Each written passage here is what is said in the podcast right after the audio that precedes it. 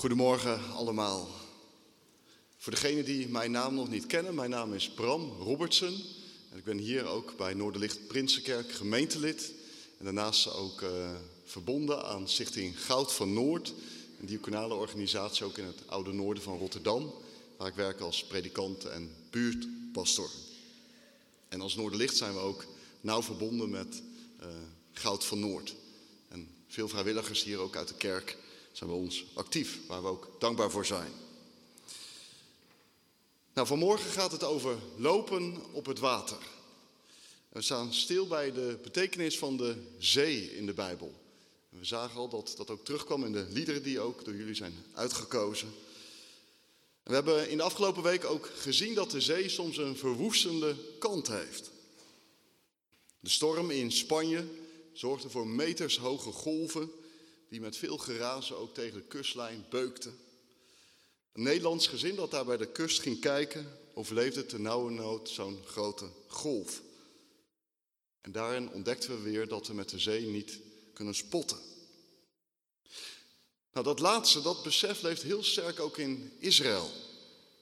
En we lezen vanmorgen uit het evangelie volgens de schrijver Matthäus. Nu heb ik begrepen dat ook de hele maand januari er telkens hier bij ons in Noorderlicht lezingen zijn uit Matthäus. We lezen vandaag verder waar Niels de Jong vorige week ook geëindigd is. We lezen Matthäus 14, vers 22 tot 34.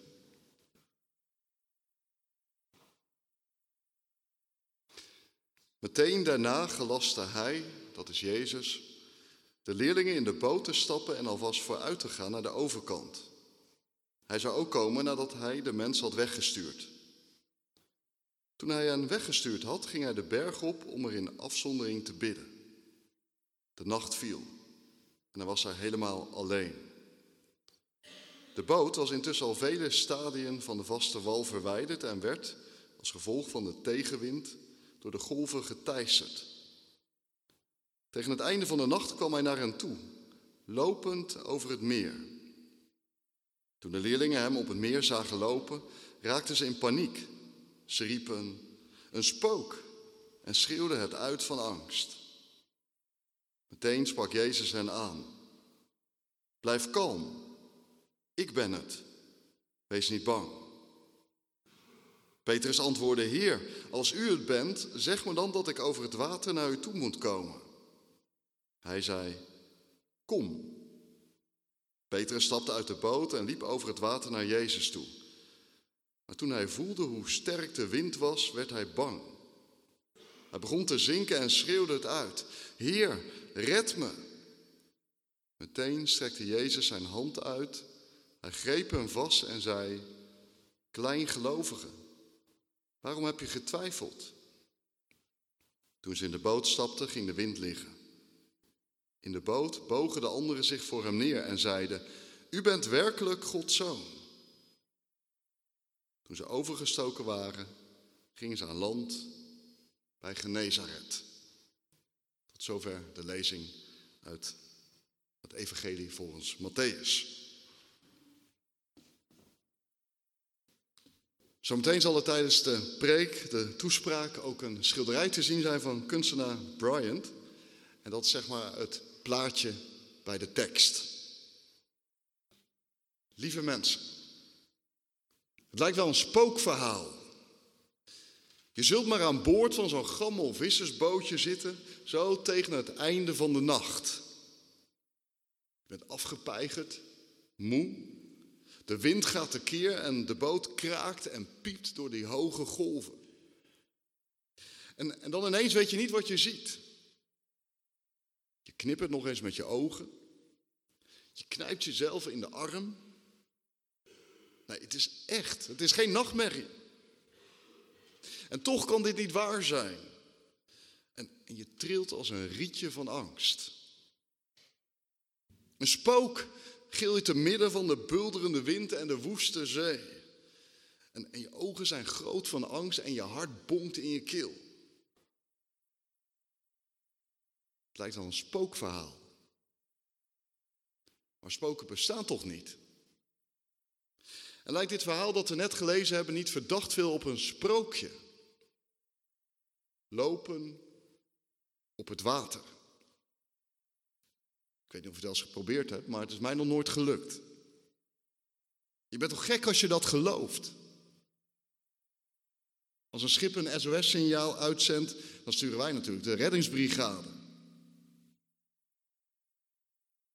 Lopen op het water. Ik kan daar niet zoveel mee als modern mens. Het is wetenschappelijk ondenkbaar, nou ja, hooguit met wat trucjes uit te halen. Of, dat zou kunnen, of het moet zo zijn op de manier zoals Marco Borsato deze woorden in een lied opneemt. Dit is één seconde los zijn van de zwaartekracht. Lopen op het water. Zonlicht zien voor dag en dauw. Vliegen zonder vleugels. Allemaal door jou. Nou, je merkt in dat lied dat de liefde, die, die, die wil je meenemen, die, die wil je optillen. En, en je vliegt voor je gevoel. Je doet het onmogelijke. Lopen op het water. Ik denk dat het bij velen van ons vooral verwarring en vragen oproept. Hoe zit dat nou eigenlijk en hoe kan dat? Of hoe kan het niet? Daarom dacht ik, laten we gewoon nog eens even inzoomen op dat Bijbelverhaal. Aan het begin van deze tekst geeft Jezus zijn leerlingen de opdracht om naar de overkant van het meer van Galilea te varen. En, en van de evangelieschrijver Marcus, eh, er zijn meerdere evangelieschrijvers en Marcus is er ook één. En dan weten we dat de eindbestemming de kustplaats Bethsaida is, aan de overkant van het meer van Galilea. En nu stuurt Jezus zijn leerlingen alleen het water op. En dat terwijl de dag bijna ten einde is. Nou ja, dat is vragen om problemen. Op het meer van, het, van Galilea kan het aan het einde van de middag behoorlijk spoken. Terwijl de leerlingen het ruime sop kiezen, stuurt Jezus de mensen weg. De hele tijd al waren de mensen rondom Jezus die met hem meegingen. Maar nu heeft hij behoefte aan een moment voor zichzelf. Om even alleen te zijn. En, en je ziet dat hij een terugtrekkende beweging maakt. Om zo zich ook te, te richten op God, zijn vader. Hij zoekt de stilte. Nou, als Jezus de stilte nodig heeft om te bidden, dan wij zeker. Dan gaat hij de berg op. Alleen. Oh ja, de berg is in de Bijbel meer dan alleen maar een geografische aanduiding. Een berg is in de Bijbel altijd een signaalwoordje, zo van, hé, hey, opletten, nu staat er wat te gebeuren. Even voor de fijnproevers onder ons. Denk bijvoorbeeld aan Abraham met Isaac op de berg Moria. Mozes op de berg Sinaï. De profeet Elia op de berg Horeb. De bergreden van Jezus. De verheerlijking op de berg. Nou, en hier horen dus dat Jezus zich terugtrekt op weer een berg. En, en de berg is in de Bijbel de plek waar de hemel en de aarde elkaar raken. Je zou kunnen zeggen, bovenop een berg is God als het ware heel dichtbij. Misschien heb je er wel eens iets van ervaren als je op wintersport was. Als je dan met een skilift bovenop zo'n sneeuwtop aankomt, dan, dan kan dat soms een topervaring zijn. En als ik eh, de filmpjes op social media mag geloven, dan, dan vinden velen dat prachtig. Heel vaak zie je foto's, filmpjes voorbij komen van mensen die dan bovenop zo'n besneeuwde top staan. Met een geweldig mooi uitzicht over al die bergtoppen voor je. Blijkbaar is dat een moment dat, dat iets bij ons ja, of naar boven roept. Alsof die hemel heel dichtbij is. En je onder de indruk bent van die geweldige grootheid van Gods schepping. Oh ja, nu we het toch over die berg hebben. Aan het einde van het evangelie komen we nog één keer die berg tegen. Kort voor zijn dood zal Jezus nog één keer de berg alleen opgaan. Dat is de berg Golgotha. En dat zal voor hem een loodzware beklimming worden. Bloed, zweet en tranen zullen het hem kosten. Maar zover is het hier nog niet. Hier is Jezus in alle rust en stilte op die berg, in gebed met God zijn Vader. Ondertussen beweegt de camera zich van die stilte en die rust van Jezus naar die storm van die leerlingen op het meer. Die leerlingen van Jezus die zijn aan het ploeteren op het meer van Galilea. Ze vechten voor hun leven. Want hun gammele vissersbootje is een speelbal van de golven geworden. Een spiegelende wateroppervlak is veranderd in een kolkende watermassa. En die golven die, die slaan over dat bootje heen. Zoals je wel eens de verhalen hoort van vluchtelingen op zee. Die in doodsnood verkeren. Als die golven dat uh, bootje uh, raken. Is de berg de plek waar wij God ontmoeten? Dan, dan is het water de plek waar we als mensen duisternis en angst tegenkomen. Volk Israël woont net als wij aan de kust. Alleen het verschil is dat de mensen van Israël niet van die zeevaarders zijn. Ze hebben geen zeebenen. Water heeft voor hen te maken met dreiging, chaos, angst en dood. De zee doet hen denken aan, aan God die ver weg is. Ik denk alleen al aan een bekende psalm uit de Bijbel, Psalm 42. Daar is iemand aan het woord die ver bij God vandaan is en dan schreeuwt hij het uit. De roep van vloed naar vloed, de stem van uw waterstromen, al uw golven die slaan over mij heen. Die dichter van die psalm, die gaat kopje onder in de golven. Hij gaat kopje onder in benauwdheid en angst. Nou, en hier zien we dat het dus letterlijk gebeurt met die leerlingen van Jezus op het meer van Galilea. Hé, hey, nu heb ik het over het meer van Galilea en, en dat lazen we ook in de nieuwe Bijbelvertaling. Maar eigenlijk staat er iets anders. Eigenlijk staat er zee in plaats van meer. En Matthäus gebruikt hij doelbewust dat woordje zee voor het meer van Galilea. Want de zee is in de oren van Israël geen neutraal terrein.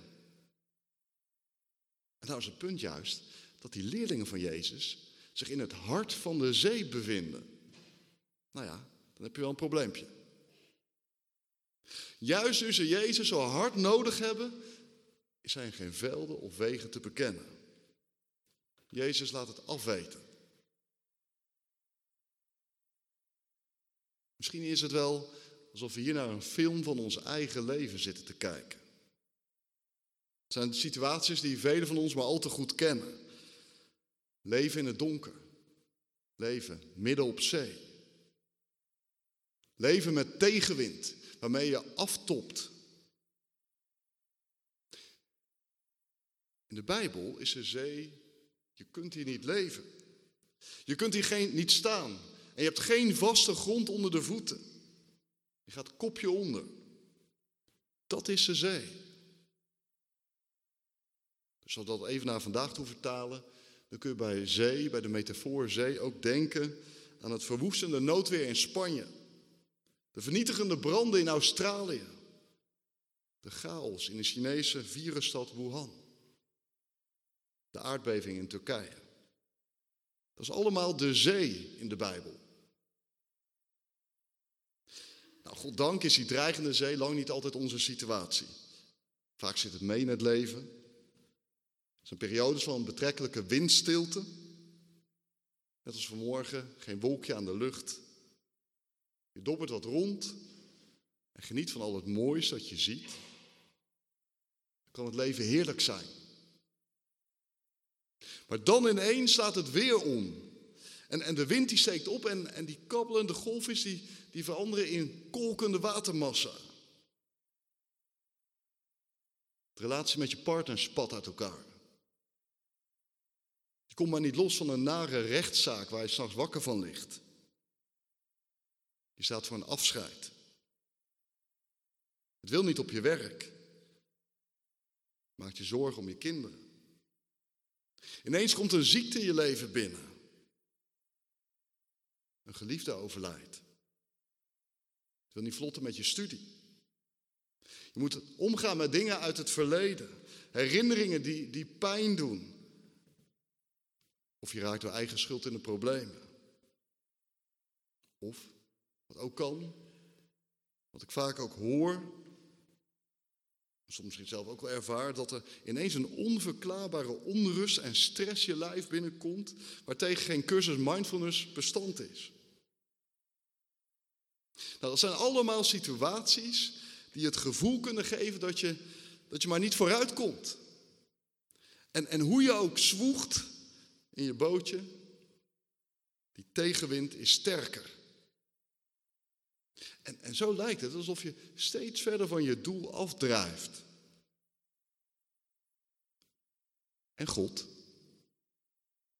Waar is God? Hij laat niets van zich horen. Is er überhaupt wel een God? En als Hij er is, is Hij dan wel voor mij? Of heeft hij me in de steek gelaten? Dat gevoel kun je soms heel sterk hebben. Dat God je in de kou laat staan en, en niet meer om je geeft. Alsof Hij er niet langer voor jou is. En tegen wil en dank leef je alsof er geen God is. Wat me hier nou raakt, is dat als wij God niet zien, dat Hij ons wel ziet. Voor ons gevoel laat God ons misschien aan ons lot over. Maar hier in het evangelie horen dat we nooit buiten Gods bereik zijn. Juist dan, terwijl het zelf niet merkt, terwijl je het niet ziet en niet weet. En terwijl alles dat tegenspreekt, ben je toch gehoord en ben je toch gezien. En dan gebeurt het. Jezus doet het onmogelijke. Hij kan de chaos aan. Hij komt. Hij komt tegen het einde van de nacht. Lopend op de zee. Ja, dat klinkt absurd. Ik probeer het even op mijn netvlies te krijgen. Jezus die loopt op zee. En, en dat is dus niet een kabbelend watertje of zo. Nee, hij gaat dwars door die storm. Zoals ik aan het begin van de preek al zei, lopen op het water, dat kan natuurlijk niet. Wetenschappelijk ondenkbaar. In de kerk in Nederland is wel eens verteld dat je dit gewoon moet geloven. Want Jezus is God en God die kan alles. Als ze zo denken, dan maken van het christelijk geloof een keurig mensengeloof. Waaruit alle verbazing en alle verbijstering is verdwenen. En wat ten diepste niks meer met de God van de Bijbel te maken heeft. Alsof het christelijk geloof verklaarbaar zou zijn. Dat is een menselijk geloof. En daarmee wordt het christelijk geloof vanzelfsprekend. Zo is het gewoon. Moet je geloven, punt. De vraag is of er dan nog enig begrip en inlevingsvermogen is voor iemand die hier met zijn verstand niet bij kan. Bij kan. Dat zijn er ook heel veel die al uh, het geloof met de paplepel hebben ingegoten gekregen. En stel dat we dat aan nieuwkomers in de kerk zouden leren, dan, dan is er toch geen verwondering meer, geen verbijstering. Terwijl we dat nou juist de hele Bijbel doorzien. Dat daar voortdurend dingen gebeuren, en ik kan het hier niet vaak genoeg herhalen, dingen die onmogelijk zijn bij mensen, wetenschappelijk ondenkbaar, en toch. Waar God in het spel is, daar is het onmogelijke mogelijk. En wat niet kan, dat is nou juist de kracht van de Bijbel. Simpel voorbeeld. Nou, simpel. Denk maar aan de leerlingen. Bij het open graf van Jezus op de paasmorgen. Natuurlijk kan een dode niet opstaan, wetenschappelijk ondenkbaar. Maar dan, als de hemel de aarde raakt, dan gebeuren daar ineens dingen die niet kunnen. En die leerlingen die zijn verbijsterd. Ze zijn met stomheid geslagen. Ze kunnen het eerst niet geloven. Dus is het geheim van het christelijk geloof. dat we dingen niet kunnen verklaren allemaal. Want daarmee staan we het juist plat. Maar dat het geheim is dat we mogen leven van de verwondering. Van dat wat niet kan en toch gebeurt. Dankzij Jezus Christus. Hij bevrijdt ons van de machten en de krachten die ons telkens weer naar beneden trekken, de diepte in. Jezus loopt op de zee. Oh ja, nu toch op de details inzoomen, dat is ook weer zo'n puntje. Er staat niet dat hij over de zee loopt, als je letterlijk vertaalt, maar op de zee. Dus dat wil zeggen, de zee is onder hem. Jezus die zet zijn voet op de zee. Dat wat wij niet kunnen, dat doet hij. Ongelooflijk. Jezus bedwingt de chaos. Misschien herken je dat er soms machten en krachten in je leven zijn die, die je niet de baas bent. En je wilt ervan loskomen, maar, maar het lukt je maar niet. Telkens wel weer terug in dat oude patroon. Dat kan ongelooflijk frustrerend zijn. Wie zichzelf kent, die weet dat die machten en krachten altijd op de loer liggen. Moet denken aan die ene man, die kende van mijn werk. Diep gelovig. Hij kampte met een ernstige alcoholverslaving. Verschillende keren opgenomen geweest in een kliniek. Maar het lukte hem maar niet om die fles te laten staan. Daar ging zo'n geweldige kracht van uit. Daar was hij niet tegen bestand. Hoe diep gelovig hij ook was. Uiteindelijk werd dat hem mede fataal. We vonden hem dood in zijn huis. En toen ik hem zag liggen daar op de grond, toen moest ik weer denken aan die Bijbeltekst. Die ik een paar dagen daarvoor met hem had gelezen, waar hij zelf om vroeg. Ik ben ervan overtuigd dat dood nog leven, engelen nog machten, ook de macht van de drank, nog krachten, heden nog toekomst, hoogte nog diepte, of wat er ook maar in de schepping is, ons zal kunnen scheiden van de liefde van God die Hij ons gegeven heeft in Christus Jezus, onze Heer. Niets kan ons scheiden van Zijn liefde. En dat is wat Matthäus hier verkondigt. Jezus is in zijn liefde al die machten en krachten de baas. Wat ons naar beneden trekt, daar trekt hij ons omhoog. En hij zet zijn voet erop, op die machten en krachten. Hij loopt op de zee. En daarmee onthult Matthäus hier dat Jezus niet zomaar een wonderdoener is. Die zijn er wel meer tot op de dag van vandaag. Maar dat we in Jezus met God zelf te maken hebben. In het Oud-Testamentische Bijbelboek Job, hoofdstuk 9, daar wordt over God geschreven dat hij wandelt op de hoog oprijzende zee. En de psalmdichters en de profeten die spreken over God als iemand die door de zee een weg baant.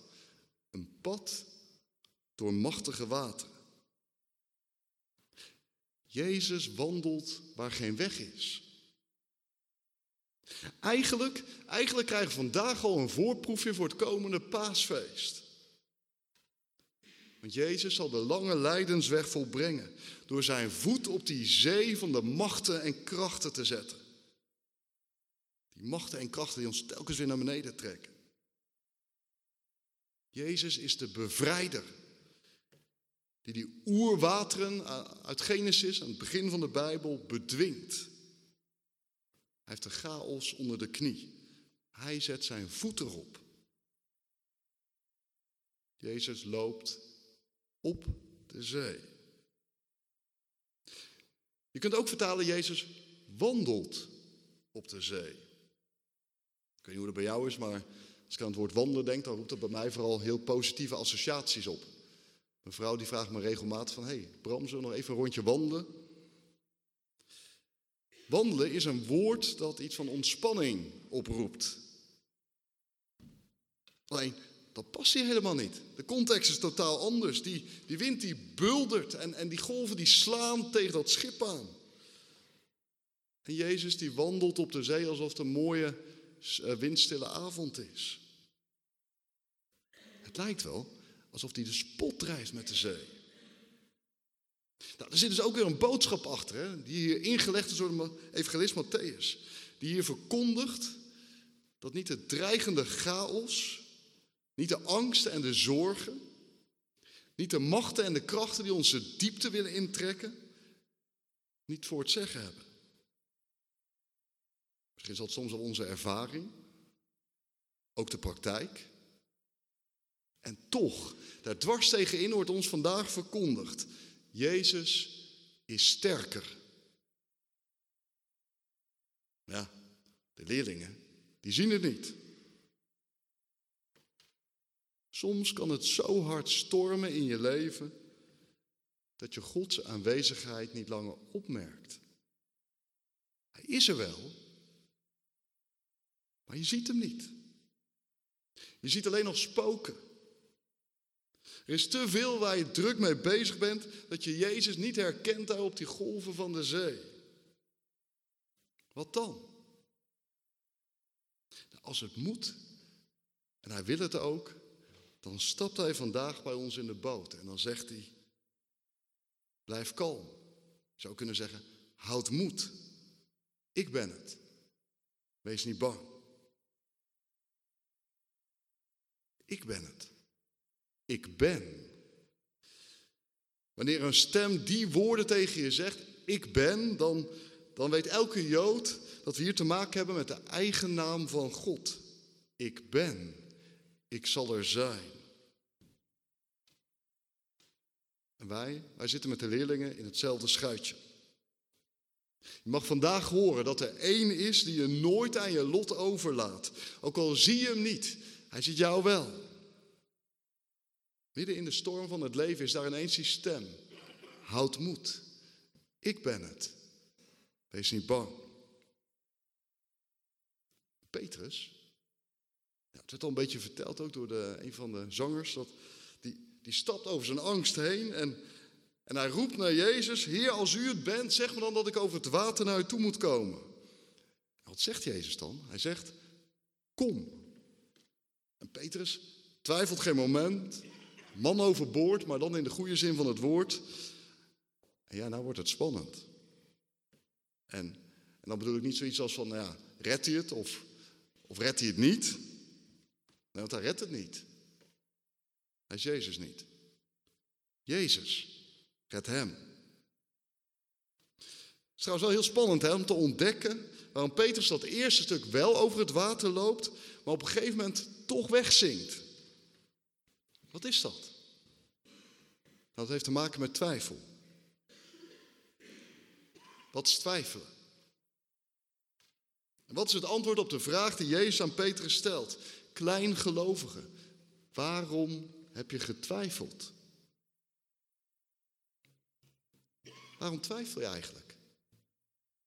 En wat zit er achter jouw twijfel aan God? Want twijfel staat niet op zichzelf. Twijfel heeft zo haar redenen.